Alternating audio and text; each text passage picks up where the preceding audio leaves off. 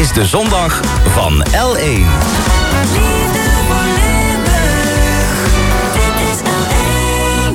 Het komende uur kunt u luisteren naar Stemmingmakers. Een serie lange interviews met markante en spraakmakende Limburgers. Vandaag met Ron van der Spoel, straatpastor en voorzitter van de ChristenUnie in Limburg.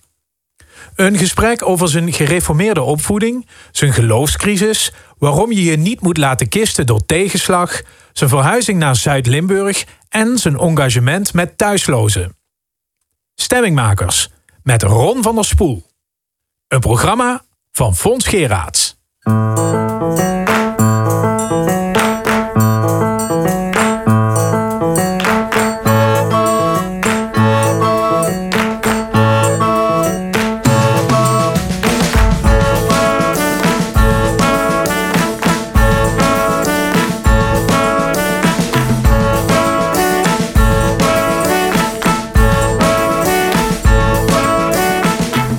Ja. Dit is officieel heet dit de heerlijkheid ter Blijt, heette dat vroeger. En er staat hier aan het begin van de straat ook echt een, een, een dorpsbordje, zeg maar. Hè? Dus officieel is het Berg en ter Blijt. Maar eh, wij zijn wel een apart gehuchtje eigenlijk. eh 160 inwoners, twee straten. Eh, we kennen elkaar allemaal. We hebben, we hebben straatfeesten. En eh, ja, het is gewoon ontzettend, eh, Ja, dus ontzettend de hier te sociale cohesie is optimaal. Ja, zeker. Zeker ja, ja, ja. Ik, heb, eh, ik heb jaren in het midden van het land gewoond. En dan had je nauwelijks contact met, eh, met de omgeving, met de straat. En hier vanaf dag één dat we hier wonen... komen mensen aanbellen en welkom heten. En ja, het is echt, het is, is echt heel mooi. Ja, Heel je mooi. woont hier nu al vier jaar, dus u kent iedere buurtbewoner. Ik ken de buurtbewoners, ja. En zij kennen u. Zeker, zeker. Vonden ze u in het begin geen vreemde eenden erbij? Zo'n pastor? Nou, ja, nou, ze moesten wel erg wennen aan wat een pastor is, ja. Want als ze dan vroegen, wat, wat, wat, wat doe je voor werk? Dan zeg ik, ja, ik ben predikant. Nou, dat woord, dat, dat kennen heel veel eh, Limburgers niet. Hè? Als, als je als katholiek bent opgevoed. Op een gegeven moment heb ik maar, eh, ben ik begonnen met te zeggen... ik ben eh, een pastor die mag trouwen.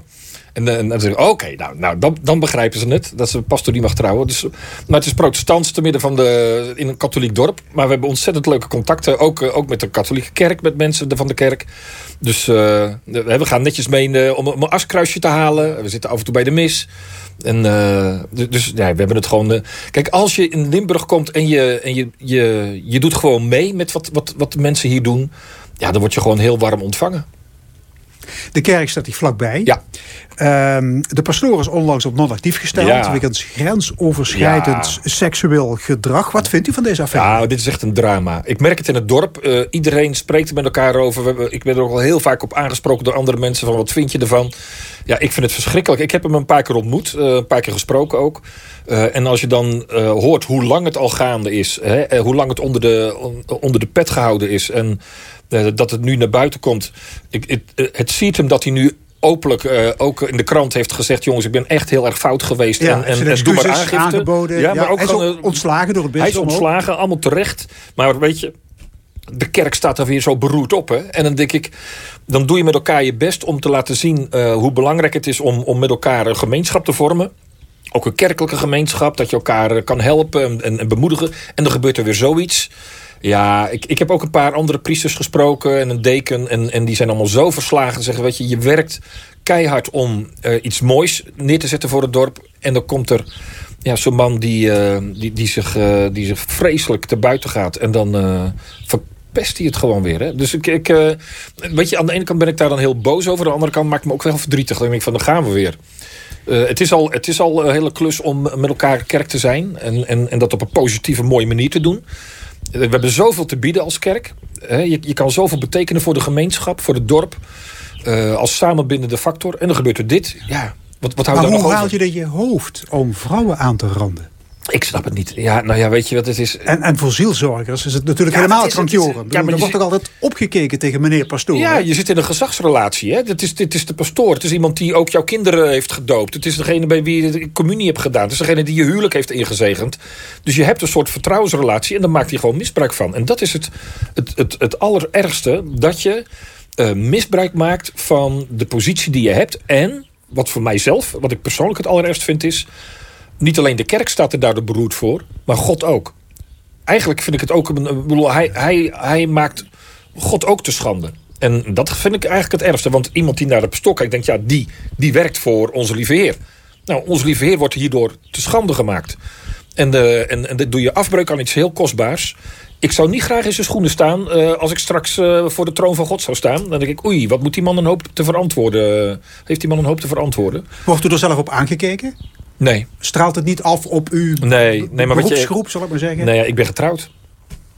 Echt, dat is toch echt een groot verschil. Uh, het, het, is, het, weet je, het is, het is, mensen zeggen ja, hè, die pastoor, die man zit altijd maar in zijn eentje daar. misschien dat hij daarom een beetje maar dat is natuurlijk niet waar. Want dat zou betekenen dat iedere vrijgezel uh, uh, grensoverschrijdend gedrag heeft. Dus dat is onzin. Het is echt gewoon een hele grote fout van deze man. Uh, en, en die kan je niet zeggen van nou dat doen alle pastoors of alle priesters. Of, uh... Nou ja, we hebben natuurlijk de schandalen gehad in de, in de Rooms-Katholieke Kerk. Ja, honderdduizenden kinderen ja. over de hele wereld zijn misbruikt. Ja, hoe, ver, hoe verklaart u dat? Nee, Wat is ja, dat? Ik, ik, ik, ik kan, ik, weet je, ik durf er eigenlijk niet echt iets over te zeggen, want ik zit niet in die situatie. Maar ik kan me wel voorstellen dat als je, als je uh, celibatair moet leven, want dat, dat is natuurlijk het punt. Uh, ja, dat er dan dingen, als je dat niet, als, als je dat niet op een natuurlijke manier in je systeem hebt zitten. Er zijn mensen die vinden het prima om in hun eentje te leven. En die kunnen dat hartstikke goed. Er zijn ook heel veel priesters die hebben dat. Het is een bewuste keus. En ze weten de consequenties. En ze kunnen dat hartstikke goed. Maar heel veel ook niet. Die kunnen het gewoon niet. Ja, en als je het echt niet kan. Ja, doe het dan ook niet. Want dan ga je de mist in.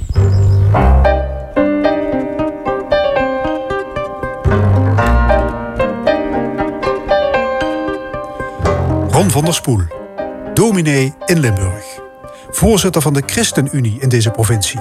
Actief bij het Leger des Heils. Hij noemt zich straatpastor en runt een zogenoemde ontmoetingswinkel in Maastricht. In Limburg heb ik mijn ware bestemming gevonden, zegt hij. Hij schreef een boek over hoe om te gaan met tegenspoed in het leven. Hoe je veerkracht kunt vinden. Van der Spoel werd geboren op Schouwen-Duiveland, in de Bijbelbelt. Zijn vader werkte bij de Rijkspolitie. Uit wat voor een milieu komt hij? Ik kom uit een behoudend, uit een orthodox milieu, zeg maar. Hè. Dus uh, iedere zondag... Orthodox, protestant? Ja, protestant. Gereformeerd? Ja, gereformeerd. Ja. ja. Dus uh, iedere zondag twee keer naar de kerk. En uh, toen nog. En ja, allemaal wel degelijk ook. Christelijke scholen, christelijke middelbare scholen. Dus het protestantse geloof met de paplepel met de naar binnen Ja, gegoten. Jee, Jee, met, okay. met de paplepel ingegoten. Ja. Dus ze waren uh, nogal streng thuis. Uh, niet ja, van de, nee, niet nee, van de niet streng. Nee, niet, nee, maar niet streng. Dus, dus kijk, mijn vader zat natuurlijk bij de politie. Daar maak je van alles mee. De, de, de, je kan niet in een bubbeltje leven als je bij de politie uh, werkt. Dus uh, het was Dat altijd zijn toch ook vaak strenge mensen, politieagenten? Jawel, oh ja, dat was hij ook. Oei, oei. Hij Ik heb natuurlijk als puber natuurlijk wel gezegd... Hey, eh, je hebt je uniform nu niet aan, hoor. Doe even normaal. Dat botste wel.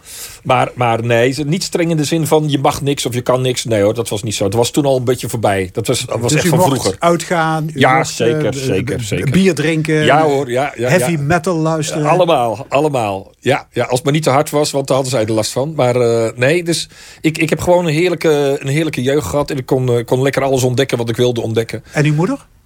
Eh, ja, ook. Mijn moeder was een huisvrouw in het begin. Dus die was er altijd als wij thuis kwamen uit school. Dan was mijn moeder er.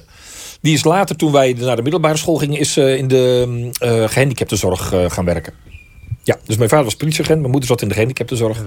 En ik heb een heerlijke, stabiele thuissituatie gehad. Stabiele thuissituatie. Ja, maar heeft u ooit pogingen gedaan om los te komen van het geloof? Jazeker. Wat voor een Zeker. 16, 17-jarige toch eigenlijk Nou, heel, bij, mij normaal die, is. bij mij kwam die op mijn achttiende toen ik ging 18e. studeren. Ik ging theologie studeren. Want ik, ik had wel het gevoel van ik wil, ik wil heel graag verder met, met, eh, nou ja, met de diepere levensvragen. Kijk, dat heeft ook wat te maken, denk ik, een beetje met mijn vader.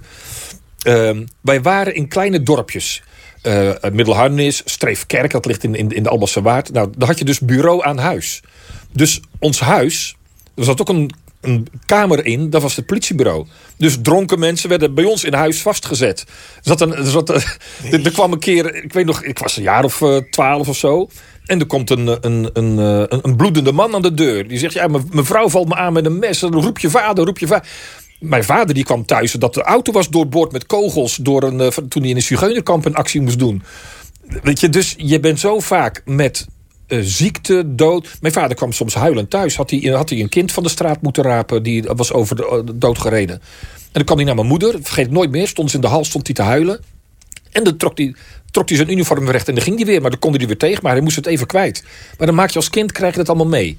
Dood, eh, geweld, dat soort dingen. Op hele jonge leeftijd word je ermee geconfronteerd. Via nou ja, je thuissituatie waar dan het politiebureau is. Uh, en dat zet je aan het denken kennelijk. Dus ik was al heel lang bezig over... ja, wat, wat, wat, wat is het leven? Waar, waar komen we vandaan? Waar gaan we naartoe? Hoe, hoe zit dat in elkaar? En dat leidde tot dat leidde verwijdering tot, van, van het geloof? Nee, van... dat leidde tot de verlangen om er eens echt over na te denken. Toen ben ik theologie gaan studeren.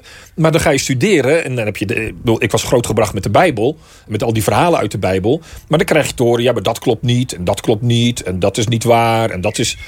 Ja, en dan ga je twijfelen dus in de studie wordt je geleerd om kritisch te kijken naar wat je gelooft. Klopt dus je het gaat theologie studeren, dat ja. was in Utrecht, hè? Ja, Utrecht. Utrecht. Ja. En tijdens die studie ja. kom je erachter van... Ja.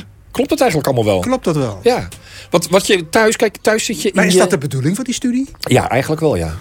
ja, toen wel. Tegenwoordig is het gelukkig ietsje anders, maar. Uh, uh, ze wilden heel bewust dat je je, je eigen uh, vertrouwde geloof ook wel eens even een keer kritisch durft te bekijken. En dat is wel heel gezond. Ja. Uh, want, want het komt toch wel een keertje dat je je vragen gaat stellen. Alleen dat was daar zo intensief dat ik het ook gewoon mijn geloof kwijtraakte. Dus ik ben van 18 tot 20 jaar ongeveer, die twee jaar, de eerste twee jaar van mijn studie. Die duurde in totaal zes jaar. Maar in de eerste twee jaar van die studie ja, was ik God gewoon echt kwijt. En, uh, en dat was een hele. Ik zat op kamers in Utrecht.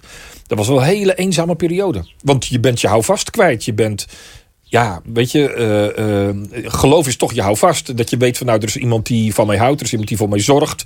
Uh, mijn leven is in de, veilig in de handen van God. Dat zijn allemaal dingen, daar was ik mee opgevoed. En dat geloofde ik ook echt. En dat wordt je eigenlijk afgepakt. Dan zeggen ze ja, doeg, dat is je fantasie. Dat denk jij maar. Maar nou ja, als je dan in je eentje op zo'n kamertje zit, met je bijbeltje voor je, denkt ja, hier heb ik eigenlijk niks meer aan ja, dan blijft er niet veel uh, fundament meer onder je leven over hoor. En dan word je een heel eenzaam uh, jong mannetje. Ja, en kon u daar thuis over spreken? Ja, die, vonden dat, die, die schrokken zich dood. Hè? Die denken, oh, help, help, daar gaat hij. Hij, we zijn hem kwijt. Uh, Want die waren natuurlijk hartstikke blij dat u theologie Ja, die dachten, oh mooi, dat wordt een, dat wordt een pastor. Dat is, ja. dat, is, prachtig. En uh, dan kan je mensen helpen. En dan kan je over God praten. Maar, maar uh, ja, die hoe, heel erg. Hoe bent u over die inzinking, zal ik maar zeggen, of crisis heen gekomen? Nou, ja, dat is een, dat is een apart verhaal. Ik zat te studeren. En wij moesten een, een, een stuk schrijven. Het was een opdracht van een, van een professor. We moesten een stuk schrijven over een zekere Pascal. Pascal was een bekende theoloog uh, van vroeger. En uh, was een Frans, uh, dat ging in het Frans. En ik had wel Frans eindexamen gedaan op de middelbare school. Dus ik, ik zat het in het Frans te lezen, echt te spellen. En op een gegeven moment zei die Pascal... Wie God zoekt met een hoogmoedig hart. Ik bedoelde niet mee, God moet wel in mijn doosje passen. Hè? Die vindt hem niet. Wie God zoekt met een nederig hart, zal hem ontdekken. Fons, het was alsof de bliksem insloeg. Echt waar. Ik denk, dat is wat er misgegaan is bij mij. Ik heb gedacht, ik wil wel geloven in een God... maar dan moet hij wel in mijn uh, kleine hersenpannetje passen. Want ik snap heel veel dingen van God niet. Ja, dan, dan, dan klopt het niet. En nu had ik, opeens ontdekte ik... ja, maar wacht even, ik snap heel veel van God niet... want God is ook veel groter en wijdser dan ik ben. Dus, dus uw hele filosofie begon te kantelen. Begon helemaal te kantelen. In de goede, in de, goede, richting. Ja, dus ja, voor mij was dat de goede richting. Want opeens durfde ik weer te zeggen: Oké, lieve heer, ik begrijp heel veel dingen van u niet. Ja. Maar ik weet wel dat u er bent en dat u van me houdt. Dank u wel.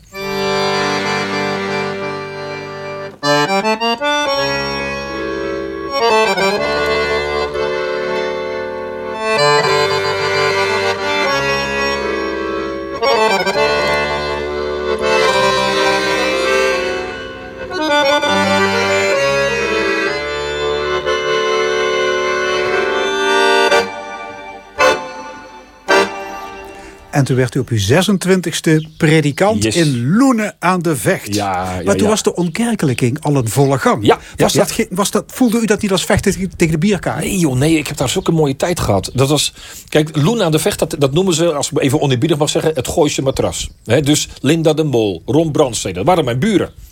Uh, ik had daar, Annette en ik, mijn vrouw en ik, wij hadden, we hadden allebei gestudeerd. Hè. Zij is arts, ik, ik uh, predikant. Eh, maar we hadden dus een, een, enorme studieschuld. Dus ik denk dat wij de armste van het hele dorp waren. En we woonden tussen de allerrijkste. Vente van Vlissingen, dat is van de macro. Dat was buurvrouw 1 aan de ene kant, links van ons. Die is hartstikke multimiljonair, die man. Die is biljonair. En rechts woonde uh, Brenninkmeijer van de, van de CNA. Die is, nog, die is nog rijker. Dus de nummers 1 en nummer 3 van de quote 500 waren onze buren. Wij waren de armste. Dus we hebben daar een geweldige tijd gehad. Want, ja, je, je sprak elkaar over de heg. Maar zij stonden met bodyguards. Eh, weet je wel? En, en wij hadden op een oude, een oude studentenfiets. Zij hadden een. eh, dus we hebben daar zo'n leuke tijd gehad. En wat ik merkte is dat ook die gasten, ook die mensen die allemaal uit Hilversum en zo. en uit, uit, uit de mediawereld daar woonden. die steenrijke mensen. waren diep en diep en diep ongelukkig. Dus ik heb daar hele veel gesprekken gehad over. ja. Oké, geld maakt niet gelukkig. Nou, dat, dat weten we inmiddels. Hè. Dat, dat konden zij ook beamen. Nee, inderdaad. Hè. Want je bent alleen maar bang dat je het kwijtraakt. Of je moet je constant met bodyguards lopen. En, eh, eh, maar wat dan wel? En die mensen kwamen dan bijvoorbeeld met de kerstnachtdienst. En dan hadden ze een groot familiefeest in hun, in hun eh, prachtige huis. De grap was overigens dat onze pastorie, die was uit 1800 zoveel, die was het grootste huis van het dorp. Dus wij, ons huis, waar de armste, twee armste van het dorp in woonden, was groter dan dat van de buren, waar de rijkste van Nederland in woonde. Maar in ieder geval leuk contact met ze. Maar met de kerstnachtdienst kwam die hele bontmantelstoet kwam de kerk in. En dan kon ik gewoon het evangelie van Jezus en zijn geboorte verkondigen. En die zaten allemaal netjes te luisteren en te knikken en, eh, en gaven gul in de collecte. En, eh, maar die kerk die liep langzaam maar zeker. Ik was een jonge dominee, ik stond midden in het leven. Eh, en ik merkte gewoon dat die kerk, eh, eh, die, dat was een beetje half vol. Maar na een jaar of twee zat die vol. Gewoon omdat mensen, juist als je alles al hebt. Het is een beetje wat. Je had vroeger een boekje heette Niets meer te wensen en toch niet gelukkig. Dat was de titel van een boek. En dat was bij heel veel mensen in Loenen aan de Vecht het geval. Niets meer te wensen. Kan alles kopen wat je hartje begeert. En toch niet gelukkig. En dan ga je op zoek naar iets diepers. En dan kom je uiteindelijk eh, bij geloof. Eh, wat, wat, wat is het houvast in mijn leven? Waar gaat het om in het leven? uiteindelijk, waar al die liedjes en zo ook over gaan, waar de Bijbel ook vol voor staat, uiteindelijk zijn wij geschapen door God om lief te hebben. Liefde ontvangen en liefde geven, dat is het geheim. Dus goede relaties, dat is het geheim van een gelukkig leven. Het zit hem niet in wat je hebt. Het zit hem in wie mag ik zijn en wie ik ben. Heeft niet te maken met wat kan ik allemaal, wat presteer ik, maar wie ben ik ten opzichte van nou, de mensen om mij heen. Maar ja, het is ook het onvermogen van de mens dat hij daar niet altijd in slaagt. Hè? Nee, Denk nee, aan die pastoren bij Ja, er gaat zoveel kapot. Ik bedoel, dit, dat is natuurlijk de tragiek. Dat is de tragiek. De tragiek is dat. Ik bedoel, ehm, ik denk dat een kwart van mijn werk bestaat uit huwelijkspastoraat. Dus mensen die getrouwd zijn, elkaar trouw hebben beloofd. In goede en in kwade dagen, rijkdom en armoede, ziekte en gezondheid. Tot de dood ons scheidt. En dan raken ze op elkaar uitgekeken. En dan zijn ze het zat en dan gaan ze uit elkaar. Eh, veel mensen die ik ook bij het leger Heils ontmoet, die zijn drie, vier keer eh, gescheiden.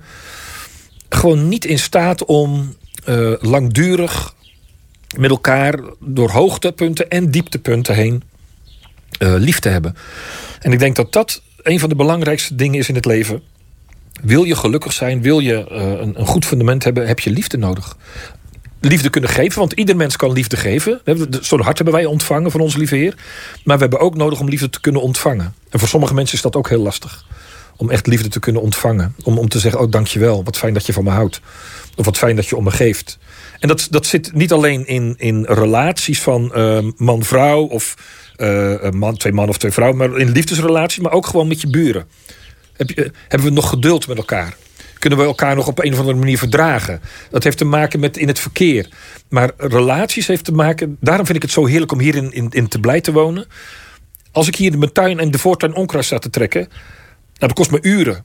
Niet omdat er zoveel onkruid is... maar omdat iedereen een praatje komt maken. En dan kan je zeggen, zit hem dat in dat praatje? Ja, daar zit het hem in. Aan de andere kant, als je de social media een beetje volgt... of je leest de krant of je kijkt televisie... de verhuftering Ja joh, slaat overal ja, toe. Ja, en dan kan je dus aan meedoen. Je kan dus ook zagrijnig worden.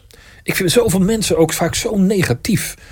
Dit is niet goed. En dat is ook op het werk, weet je wel. Mensen op hun, op hun werk kunnen met elkaar zo mopperen in de kantine. Knoteren heet dat aan de Limburgers. Hoe noem je dat? Knoteren. Knoteren, ja. Knoteren. Knoteren kunnen ze, ja. dat is een goeie. Die moet ik onthouden voor ons. Knoteren. Nou, dat, dat, gebeurt, dat gebeurt door het hele land. Maar hier kunnen ze er ook wel van. En, eh, en dan denk ik... Als je nou zo... Waarom praat je zo negatief? Het wordt allemaal zo anders als je gewoon ook... Soms zeg ik eens tegen mensen... Prima dat je dit over je collega zegt... Maar nou wil ik ook drie goede punten van hem horen. Nou ja, dan, dan, weet je, dan, dan beginnen ze even te... Maar vaak komen ze prima tot drie positieve punten... van die collega waar ze de hele tijd op zitten te mopperen.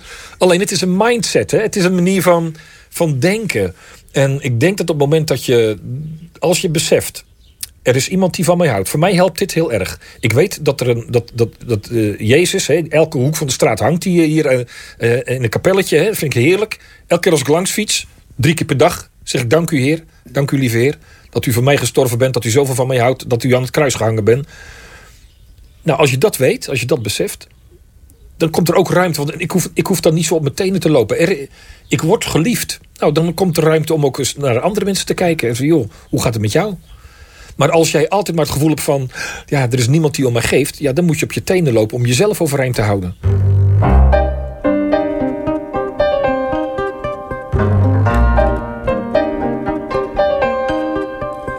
Ron van der Spoel heeft de gave des woords. Dat maakt hem ook een begenadigd preker. Iedere zondag staat hij wel ergens op de kansel. Twintig jaar geleden richtte hij de organisatie Passie voor Preken op en maakte een DVD om zielzorgers te leren hoe ze beter kunnen preken. Minder saai, bevlogener. Ron van der Spoel. Sommige mensen kunnen het van nature, die hebben, die hebben daar echt geen cursus of weet ik wat voor nodig. Zet ze voor een groep. Het zijn gewoon echte verhalenvertellers, hè? dat zijn vaak de beste.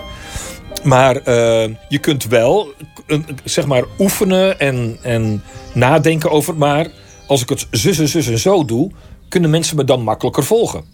Kijk, want de bedoeling is niet dat je een spectaculaire preek hebt. De bedoeling is dat die boodschap van dat Bijbelstukje.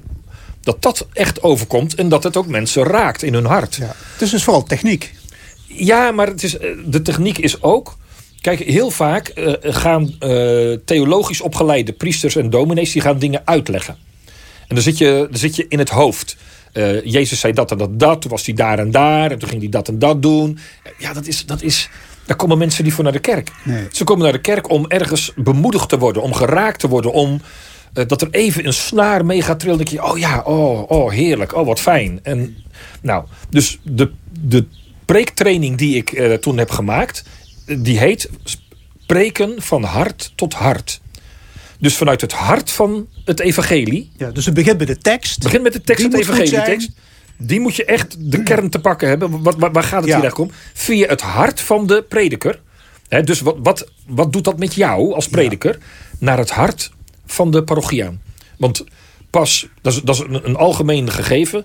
Pas als ik geraakt ben door iets, kan ik daarmee ook ja. een ander raken.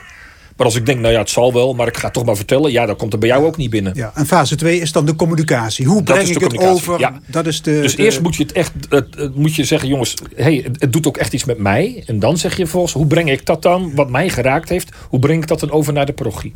Humor in een preek, is dat toegestaan? Zeker weten, zeker. Ja. Alleen weet je waar ik dus een hekel aan heb? Bedachte grapjes. Dus als een, een prediker uh, uh, zegt, nou, ik weet nog een leuke grap dan denk ik, ja, dan ga ik wel naar de cabaret show als ik dat wil horen. Dan ga ik niet naar de kerk. Maar wat er heel vaak gebeurt, is ik verspreek me eens een keer. Of ik, uh, ik, ik ben eens even weer wat kwijt, weet je wel. Ik, uh, ik, ik, ik, vergis me ergens in. En dan beginnen mensen te lachen. En dan denk ik, waar lachen ze om? Dan soms vraag ik dat ook. Ik zeg, waar lachen jullie om? En dan zeggen ja, je zei dat en dat en dat. zeg oh, sorry. Okay. Maar, ja. Dan kunt u zelf genieten van een eloquente voordracht? Ja, zeker. Iemand? Zeker, zeker. Ja, ja. Als, als, er is één man waar ik intens van geniet. Uh, Barack Obama. Wat kan die man spreken? Toen hij president was. Uh, ik, heb hem, ik heb hem horen spreken toen na, na zo'n uh, zo'n uh, afschuwelijke schietpartij. Hè, dat, dat, er, dat er zoveel jongeren waren gedood op een school. En toen kwam hij spreken op die begrafenis. Man, ongelooflijk. En dat hij het afleest van twee onzichtbare autocues. Maakt, allemaal niet hij, uit. Hij weet het te brengen. Je merkt bij hem dat het uit zijn hart komt. En natuurlijk uh, moet, moet je weten wat je zegt. Hè? En, en, en moet je niet zomaar een beetje wat, wat, wat, wat, wat, uh, wat uh, ratelen. Ja. Wat wauwelen. Maar, maar, dus hij weet heel goed wat hij zegt. Hij weet wanneer hij iets gaat zeggen. Maar hij meent, je ziet aan hem dat hij meent wat hij zegt. En mensen voelen dat, hè? Mensen voelen als ik voor een groep sta. Ik sta iedere zondag voor een groep natuurlijk. Voor een gemeente, voor een parochie. Mensen voelen of je het meent, of je het gelooft of je het echt heel graag wil vertellen. Of dat je denkt, nou, ik doe mijn kunstje. U bent op een gegeven moment de politiek ingegaan. Ja. Uh, u zat in de gemeenteraad van Amersfoort ja. voor de ChristenUnie. Ja. Waarom koos u voor uh, het lokale bestuur? Uh, nou, om te beginnen werd ik ervoor gevraagd. Maar kijk, vooral vanuit de kerk... dan zit je ook al heel vaak... ben je dan gewoon echt met de kerk bezig... en weinig met nou ja, wat gebeurt er verder in de stad? Ja. En ik vind het belangrijk dat als je dus zegt... ik heb uh, als kerk, joh, wij bidden voor de stad. Hè, op zondag dan, dan, dan, dan doen we gebeden. En een van de gebeden gaat dan ook altijd voor de stad. Ja, je kan wel wat bidden... Maar als je vervolgens niet je mouwen wil opstropen, hè, dan wordt het wel een beetje, beetje makkelijk, zeg maar. Hè? Dus, dus het is ook een soort plicht, zou je ja, kunnen, ik, ik voelde het voor mij was het wel een soort uh, nou, gevolg van: hey, als je aan God vraagt, Heer. Uh, uh, lieve Heer, zegen de stad. Of, of, wilt, wilt u zorgen voor mensen in de stad die het moeilijk hebben? En vervolgens zeggen, nou, ik trek me weer terug in mijn lekkere comfortabele huisje, mijn pastorie, ja. of weet ik veel wat. Ja, dat kan niet. Okay. En dat is ook de reden waarom u op de kandidatenlijst stond voor de ChristenUnie bij de voorlaatste verkiezing ja. voor de Tweede Kamer zelfs. Ja, klopt. klopt. Wel een tamelijk onverkiesbare ja, plek, hè? Nee, Zeven, ik, ik 47ste. Nee, ik wilde niet echt meedoen, maar, maar ik wilde wel laten zien, jongens, ook een pastor, ook, ook uit de kerk. Uh, denken we na over hoe moet dat nou met deze samenleving? En hoe moeten we met elkaar uh, dat vormgeven? Wat moeten we wel doen, wat moeten we niet doen? Ja, had u wel hoger kunnen komen als u had gewild? Ja, had ik, dat had gekund, ja, maar dat wilde ik niet. Nee. Nu heeft de ChristenUnie nooit last van grote electorale schommelingen. Hè? Jullie Nee. zitten altijd rond de vier, vijf, zes zetels Ja. ongeveer. Ja. Dat is geruststellend, hè? Zo'n Nou, het is stabiele een- aanhang. Ja, het, het- aan de ene kant wel. Het is, het is natuurlijk leuk als je weet, we hebben een stevig fundament. Aan de andere kant zou je ook graag eens wel wat meer invloed willen hebben natuurlijk. Hè. Dus met name hier ook in het zuiden hebben we ook echt, we doen echt ons best. Ik zit in het bestuur van ChristenUnie Limburg. Ja, u bent zelfs voorzitter van de ChristenUnie Ja. Limburg. Ja, is ja, dat trouwens niet heel erg eh, ondankbaar? Nou, weet je, In de zin omdat die aanhang zo, Ja. zo miniem is. Ja, het is klein. Het is klein, maar wij geloven wel in heel erg in, in, in de, de, de standpunten die we hebben. En weet je, dan gaat het niet alleen maar om van.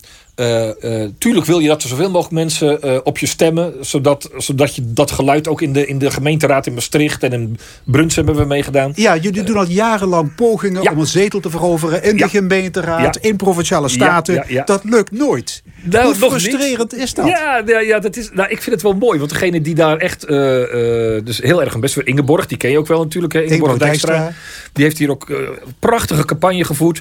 Maar wat wij eigenlijk nog belangrijker vinden dan de zetel... is dat het geluid waar wij voor staan... namelijk nou, waar we het eigenlijk nu ook over hebben... Dat je zegt, jongens, eh, zorg voor elkaar... Denk niet alleen aan jezelf, maar kijk ook om je heen. Eh, hoe, kunnen we, hoe kunnen we de meest kwetsbare mensen... hoe kunnen we die ondersteunen, hoe kunnen we die helpen? Eh, ik bedoel, ik zit niet voor niks bij het leger Heils. Hoe kunnen we dat allemaal doen met elkaar en voor elkaar? Dan wordt de stad echt een stukje mooier Dus en al, beter. al heb je maar één zeteltje, dat geluid kun je laten Bij horen. het een zetel zal het al mooi zijn, maar in de campagne kan je het volop laten horen. Eh, de- dan ben je op de radio, dan kom je op, dan kom je op eh, L1. Dus, dus, nou ja, dus er zijn verschillende mogelijkheden. En wij vinden het belangrijker dat het geluid wordt gehoord... dan dat het zich direct vertaalt in zetels. Maar we zouden wel heel graag... eh, ook in de gemeenteraad, want die zitten elkaar ook constant in de haren. En ik heb zelf in de gemeenteraad gezeten en toen had de ChristenUnie... wij zaten ook met, met, met eh, VVD, met PvdA, met CDA, met D66... met allemaal partijen die elkaar constant in de haren zaten. En wij hadden daar een hele mooie eh, bemiddelende rol in. De ChristenUnie zit vaak net er een beetje tussenin. Hè? Die, is, die is niet zo fel. Niet, niet zo alles puur links of puur rechts. Maar gewoon voortdurend kijken van wat is op dit moment... voor deze stad of voor deze plek het beste.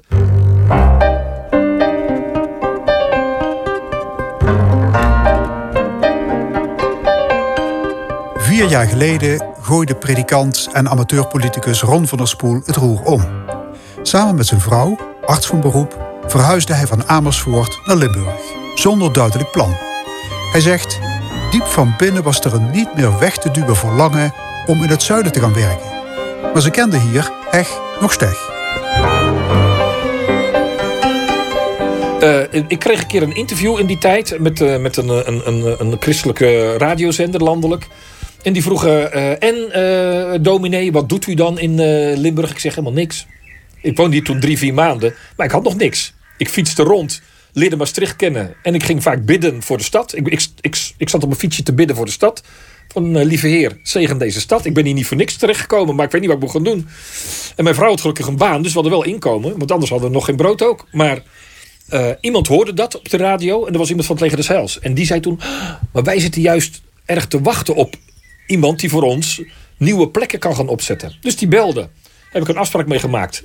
En zodoende ben ik eh, ja, een soort straatpastor geworden. Ja, u ging in de slag bij een soort inloophuis Ja, voor de we hebben- leger des Heils ja, in we- Maastricht. ja, die hebben we zelf opgezet. Ja, een soort opvanghuis met, met koffietafel. Ja. Maar vermomd als tweedehands kledingwinkel, het is, het is- toch? Het is eigenlijk een soort, eh, we noemen het een, huis, een huiskamer voor de buurt, noemen we het. Dus eh, we, zaten, we begonnen in de Mariastraat.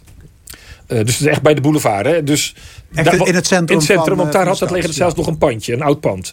Ehm, maar daar, daar kwamen vooral toeristen en er kwamen ook wel wat zwervers en zo langs. Maar wij zijn er niet echt voor de zwervers. Daar heb je weer andere locaties voor van des Heils. hè. De single, staatssingel en zo, weet je wel, dag- en nachtopvang. Dus eh, wij zijn er echt voor nou, mensen die vooral last hebben van eenzaamheid. Die niet dakloos zijn, maar die, dat noem je thuisloos. Dus je hebt niet een, een sociaal netwerk om je heen.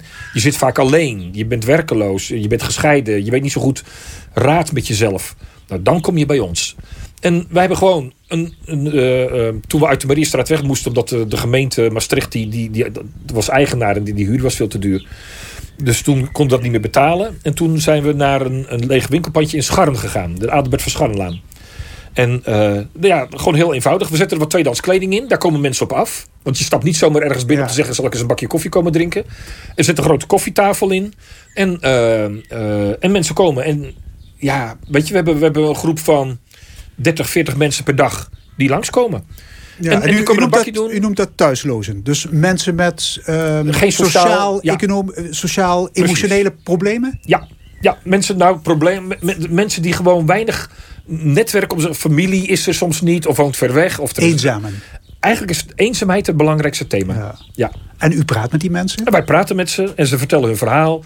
En, en eh, soms zijn het dramatische verhalen. Eh, weet je wat het mooiste compliment is? Wat, wat ik heel vaak krijg, Fons? Mensen zeggen, ik voel me hier veilig. Hier kan ik tenminste mezelf zijn. En, en dat vind ik zo gaaf, want dat is waar we het voor doen. Dat mensen zichzelf kunnen zijn, dat ze veilig zijn, eh, dat ze hun verhaal kwijt kunnen. En ja, weet je, ik heb natuurlijk ook bijna 30 jaar ervaring als pastor, dus ik kan ook echt goed luisteren en helpen, zeg maar, en, en, en advies geven. Dus er Eh, zijn ook vaak gesprekken met, met diepgang.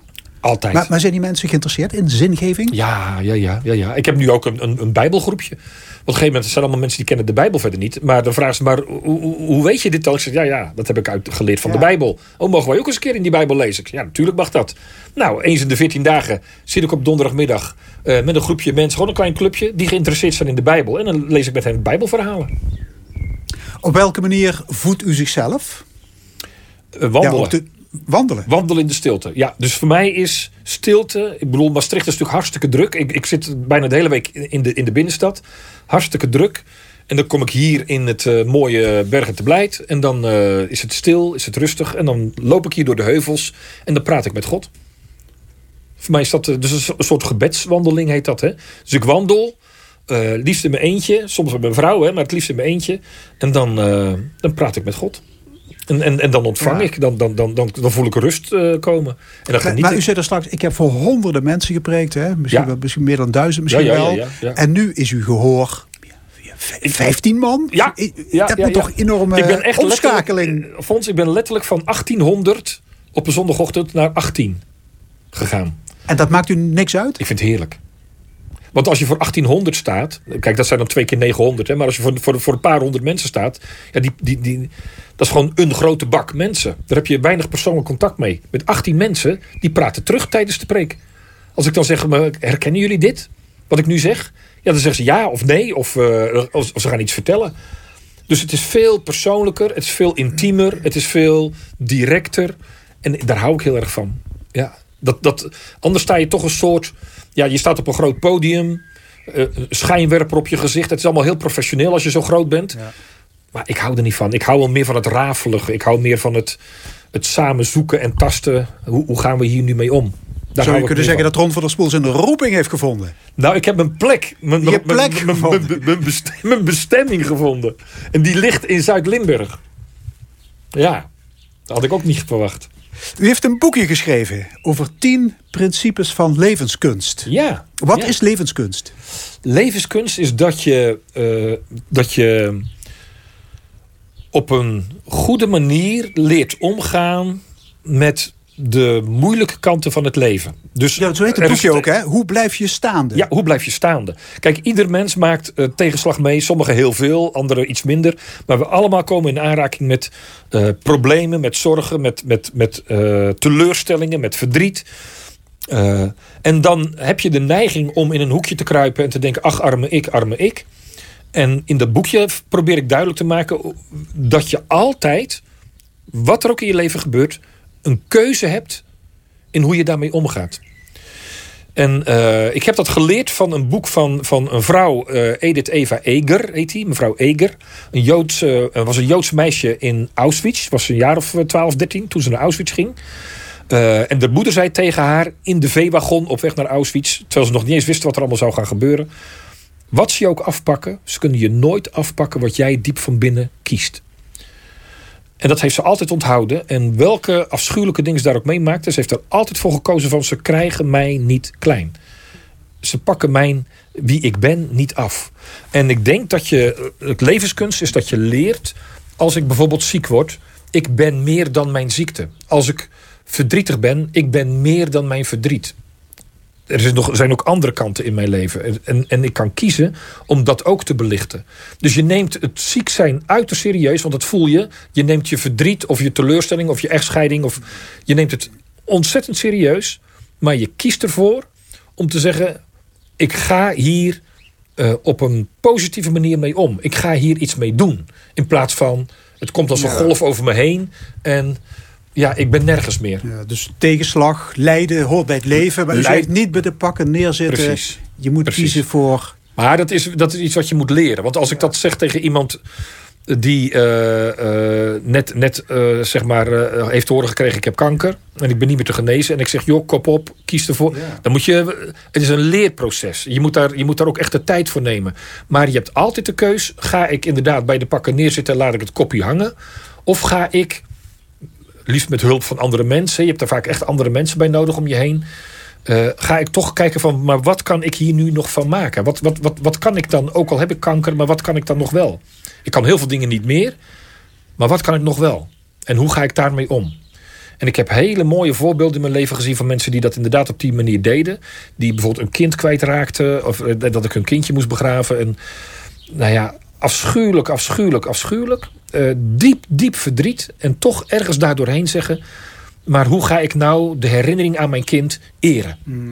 Hoe ga ik daar ter nagedachtenis aan mijn kind iets moois maken? Weet je wel, zo. Waarom bent u eigenlijk geen katholiek? Omdat ik in een uh, oergereformeerd gezin ben opgegroeid. Maar als ik hier in Limburg was geboren, was ik gewoon een katholieke. eh, eh, misschien wel priester geweest. Dat weet ik Ja, niet. als u in Islamabad was geboren, Ja, was, geboren, was u Was- moslim, was ik moslim, geweest. Ja, nee, dat, maar dat denk, ik, ook- dat denk ik serieus. Dus, dus waarom ben ik niet katholiek? Maar ik moet wel zeggen... Want in het, in het midden van het land kennen wij juist niet wat... Wij hebben geen idee wat katholiek is, wat betekent. Hoe meer ik het leer kennen, hoe meer ik het waardeer. Ik, ik denk echt dat wij eh, eh, heel veel dingen met elkaar delen. Heel veel dingen gemeenschappelijk hebben. Ehm, maar ja, een aantal dingen ook niet. Maar ik waardeer heel erg in de gesprekken, in de contacten die ik ook met priesters heb. eh, ja, dat, je, dat je samen gewoon het geloof en Jezus en God eh, en de kerk heel serieus wat, neemt. wat, wat losser, hè, toch? Katholieken. Ja. Eh, aan de ene kant wel. Dus, dus, dus, dus het is een beetje strak allemaal van de, de, de paus, de bisschop, de priester. Dat is allemaal wat strakker. Bij ons, een predikant heeft meer, kan gewoon meer zijn eigen gang gaan. Ehm, maar het leven, de manier, de- de- dus, dus het, het Bourgondische... Ja, dat is wel veel, veel prettiger in de katholieke... Dagboek van een herdershond. Ja, precies. Ja, ja, ja, precies. Ja, en daar hou ik ook eigenlijk wel van hoor. Dus dat past wel. Jacqueline de Rooij is vrijwilliger in de ontmoetingswinkel van het Leger des Heils. Wat was haar eerste indruk van Ron van der Spoel? Een heel gemotiveerd iemand. eh, die niet snel beer op de weg ziet. En ook eh, helemaal niks met Limburg had, wel. Een, een, een outsider op dat gebied. En er zin in had om, eh, om iets te maken. Om, eh, vooral dat mensen elkaar konden ontmoeten. Wat is zijn beste eigenschap? onbevooroordeeld zijn. Hij kijkt naar iedere persoon helemaal opnieuw, zonder dat echt in te schatten, met helemaal open vragen. En, dat, eh, en dan langzaam aan wennen en het idee van wie heb ik voor me. Ja, dat vind ik heel bewonderenswaardig. En weet je wat hem drijft? Uh, ja, dat is toch een heel groot aspect van het geloof. Hij heeft ook iets domineesachtigs. Maar hij preekt ook in nou ja, de kerk. domineesachtig. Hij is dominee Ja, ja. en predikant. Nou, of hij echt dominee is, weet ik niet eens. Hij, predik, hij is wel predikant, maar of hij ook dominee is... of, of, dat, niet, of dat twee dezelfde dingen zijn, geloof ik niet. Maar hij is in ieder geval heel erg in de heren. Ja, zeker. Wat, wat vind je daarvan? Ehm, het lijkt me heel gemakkelijk. Als je het zou hebben. Om steun aan te vinden. Maar ik heb dat zelf helemaal niet. En ik begrijp het ook eigenlijk helemaal niet. Dat hele vo- volledige vertrouwen daarin. En dat geloof dat dat ook allemaal eh, buiten je om. Of buiten mensen om. Allemaal goed komt. Omdat daar zo'n heer voor hun bestaat. In wat voor vorm dan ook. Eh, Wat zou je aan hem willen veranderen? aan hem willen veranderen. Nou, dat hij beter op zijn afspraken nakomt. Dat hij dat niet zo vergeet. Het is heel praktisch. En dat kan onhandig zijn. En dan kan hij, stapt hij heel makkelijk over, overheen. En dan, eh, eh, eh, ja, dan is dat, is dat toch, toch lastig voor mensen die iets ja, daarop rekenen. Kun je alles tegen hem zeggen? Eh, dat weet ik niet zeker. Dat weet ik niet. Wel veel. Eh, heeft hij zich als eh, protestant goed aangepast aan het katholieke zuiden? Nou, hij houdt van lekker eten. Dat is ook wel duidelijk. Hij, hij kan zich heel kinderlijk verwonderd zijn van hoe dat hier gaat. Wat hij niet gewend is. In het noorden, ik geloof Amersfoort, Apeldoorn kwam nu vandaan. Amersfoort. Ja. Maar noem eens een voorbeeld. Ja, eh, eh, hoe ruim hier getrakteerd wordt als iemand jarig is, bijvoorbeeld op fly. Dat. En die, hoe groot die stukken zijn. En hij was een klein dun plakje bleke cake gewend. Dat heeft hij het niet over. Maar de, de verwondering, eh, zie je het aan dat hij dat niet gewend is. En andere dingen ook, ja. Ja. Waar maakt u zich druk over?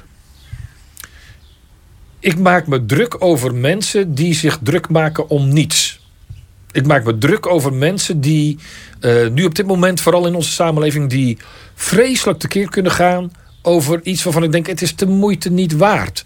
Ik maak me druk om mensen die eh, niet meer luisteren naar elkaar, maar alleen nog maar op elkaar eh, aan het schieten zijn met woorden en, en, en, en schelden. Ik maak me druk om onze stad, Maastricht.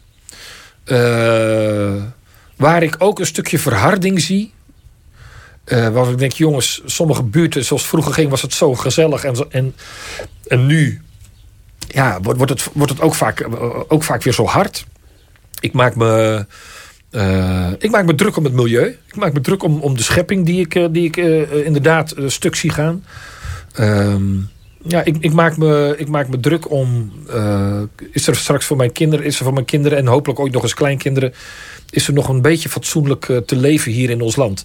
Ja, ik, ik maak me daar wel, eh, wel, druk om. Eh, en ik denk. Kijk, ik kan niet. De, ik, ben, ik zit niet in de politieke landelijk of wereldwijd. Ik, ik, in je eentje ben je tot weinig in staat om, om dingen te veranderen. Maar ik probeer in mijn eigen kleine hoekje te doen wat ik kan. Om het goed te hebben met mijn buren. Om het goed te hebben met me, in mijn gezin, in mijn huwelijk. Ja, om liefdevol te leven. En dat probeer ik ook in de stad. Met het leger des heils. Mensen ontvangen. Hartelijk ontvangen. Iedereen is welkom. Ze komen binnen en je denkt, als je iemand op het eerste gezicht ziet... Hè, van top tot teen getatoeëerd bijvoorbeeld... denk je, wat krijgen we nou? En dan denk ik gelijk, oh sorry. Want dan heb ik weer een vooroordeel. Ik had pas, Fons, mag ik nog een verhaal Ja, vertellen? Ja? Ik had pas, ehm, kwam dus inderdaad een, een, een jonge vrouw, ik denk jaar of 7, 28, kwam binnen.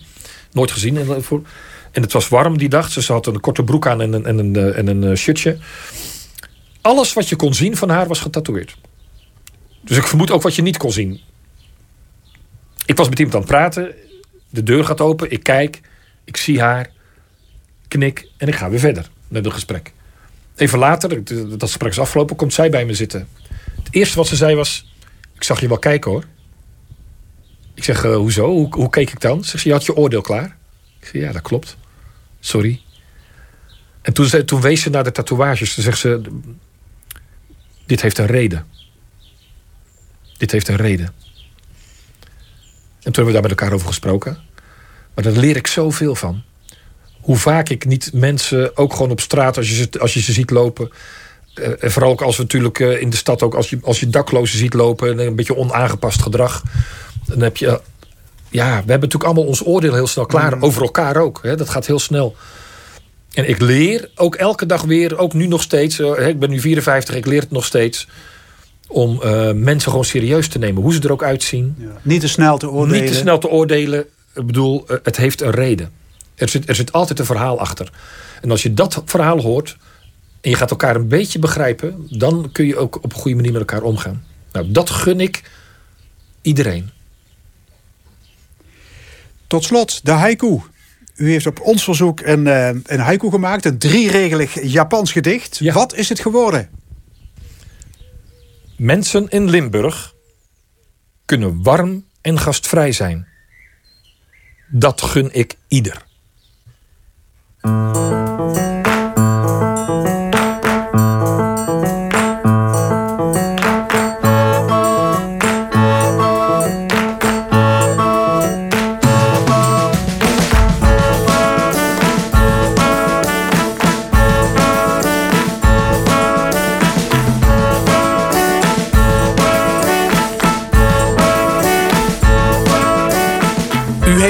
Naar Stemmingmakers.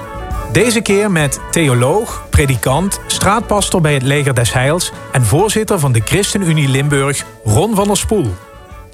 Techniek, Erwin Jacob. Samenstelling, Fons Geraerts.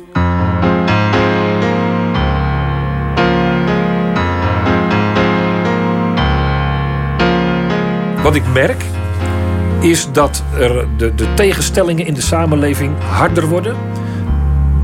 De urgentie is groter. Er is- Er zijn een paar hele grote thema's. Daar moet ook echt iets aan gebeuren. En dat kost ons wat. Maar laat het ons dan ook allemaal wat kosten. En eh, eh, ben ik, ik ben van harte bereid om daar echt ook, ook eh, mijn steentje bij te dragen. Maar het moet wel op een eerlijke, rechtvaardige manier gebeuren. all the watch